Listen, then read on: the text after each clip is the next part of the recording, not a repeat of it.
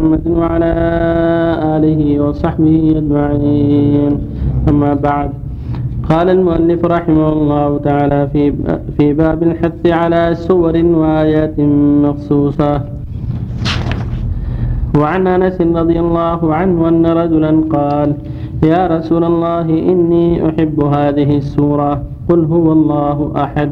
قال إن حبها أدخلك الجنة. رواه الترمذي وقال حديث حسن. ورواه البخاري في صحيحه تعليقا. وعن نقبة بن عامر رضي الله عنه أن رسول الله صلى الله عليه وسلم قال ألم تر آيات أنزلت هذه الليلة؟ لم ير مثلهن قط. قل أعوذ برب الفلق وقل أعوذ برب الناس. رواه مسلم. وعن أبي سعيد الخدري رضي الله عنه قال كان رسول الله صلى الله عليه وسلم يتعوذ من الجان وعين الإنسان حتى نزلت المعوذتان فلما نزلتا أخذ بهما وترك ما سواهما. رواه الترمذي وقال حديث حسن. وعن أبي هريرة رضي الله عنه أن رسول الله صلى الله عليه وسلم قال من القرآن سورة ثلاثون آية شفعت لرجل حتى غفر له وهي تبارك الذي بيده الملك. رواه أبو داود والترمذي وقال حديث حسن وفي رواية أبي داود تشفع.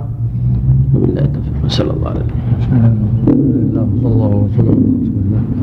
وعلى آله وأصحابه. أما بعد هذه الأحاديث التي قبلها في بيان فضل بعض السور وبعض الآيات تقدم أن افضل سورة واعظم سورة سورة الفاتحة وهي أم القرآن. وصح انه صلى أن أعظم آية آية الكرسي. وفي هذا الحديث هذه الأحاديث الدلاله على فضل قل هو الله أحد. تقدم عدة أحاديث أنها تعدل ثلث القرآن. وبهذا أن بعض الصحابة كان يتلوها كثيرا ويقول إني أحبها. فقال له ان حبك إياها أدخلك الجنة. ففي هذا الحث على العناية بالقرآن والإكثار من تلاوته عن حب ومحبة ربه وعن قصد العمل والتدبر. كتاب أنزلناه إليك مبارك ليدبروا آياته. التدبر والحب هو الذي معه العمل معه الجد معه النشاط في الخير. حتى يحصل له المطلوب. كذلك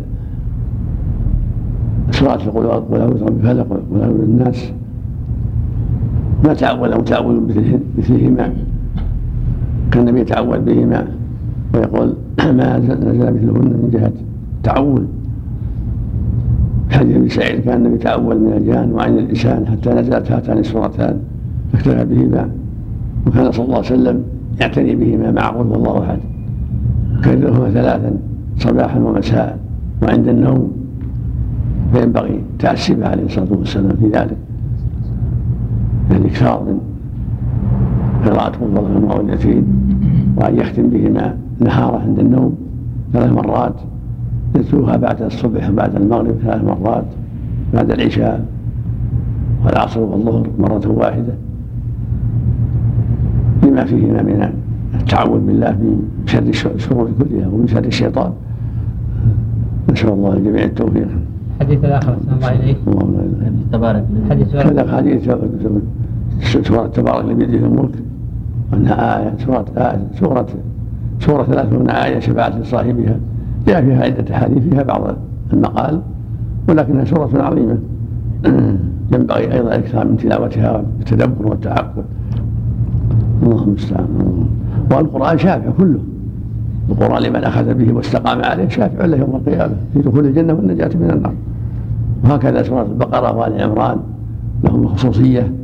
في المحاجة عن أصحابهم العاملين بهما كما في الحديث الصحيح يدعى بالقرآن يوم القيامة وبأهله العاملين به. تقدمه سورة البقرة وآل عمران يعني عن أصحابهم. المقصود أن هذا الكتاب العظيم حجة لأهله. ومن أسباب دخولهم الجنة ونجاتهم من النار إذا عملوا به واستقاموا عليه. كما في حديث مالك الأشعري يقول صلى الله عليه وسلم القرآن حجة لك أو عليك. حجة لك؟ إن عملت به واستقمت عليه. وعليك إن خالفته. نسأل الله لنا ولكم التوفيق. قوله تعالى وننزل من القرآن ما هو شفاء. من هذه بيانية أو بيان تبعيضية بيان, بيان يكون له شفاء. حتى القصص؟ كما قال تعالى قل هو للذين آمنوا هدى وشفاء. هو قل هو آية القرآن. يعني قصص في كل رقية يقرأ به. نعم، كله كله كله هدى. أحسن الله إليك. حديث عائشة. كان الرسول صلى الله عليه وسلم إذا أوى إلى فراشه جمع كفيه ثم نفث ثابت ثابت نعم صحيحين ليمسح ما استطاع. كان يقرأ في يديه ويمسح على رأسه. وجهه وصدره ما أقبل من جسده. يعني ثلاث مرات عليه الصلاة ما لمس الجلد أحسن الله والسلام إذا اشتكى فعل ذلك أيضا. يا شيخ حسن الله إليك. الأذكار الأخرى تقال مع المعوذتين؟ نعم نعم. كل ما تيسر كل ما سبح وسلام سبح بحمد ربك قبل طلوع الشمس وقبل غروب السلام عليكم. السلام؟ والدي عبد العزيز بن غيحب أحسن الله عزاك الله يغفر لنا ويعملنا وإياه بالعفو غفر الله لمن توفي. قبل الجمعة مسلمين عليكم يعملنا وإياكم وإياه بالعفو تغمد في الرحمة. الليل بعد دخلت غيبوبة الحمد لله. من الظهر أنا جايبه من الشمر ها؟ قال الشمر رحمه الله يقر عليه الظهر نام الظهر. يوم الجمعة. الفجر. الساعة أربعة ونص. يعني ما عاد شعر يوم الأربعاء والخميس ما عاد شعر شيء لا من الأربعاء العصر. ما يشرع ما من الظهر إيه. من الأربعاء الظهر وما يشرب شيء. ما صلى والصيام طيب شيء رمضان عليه عشرين أنا سألت الشيخ صار صحة بعدها. محمد سألته. الأربعاء؟ رمضان كله سألته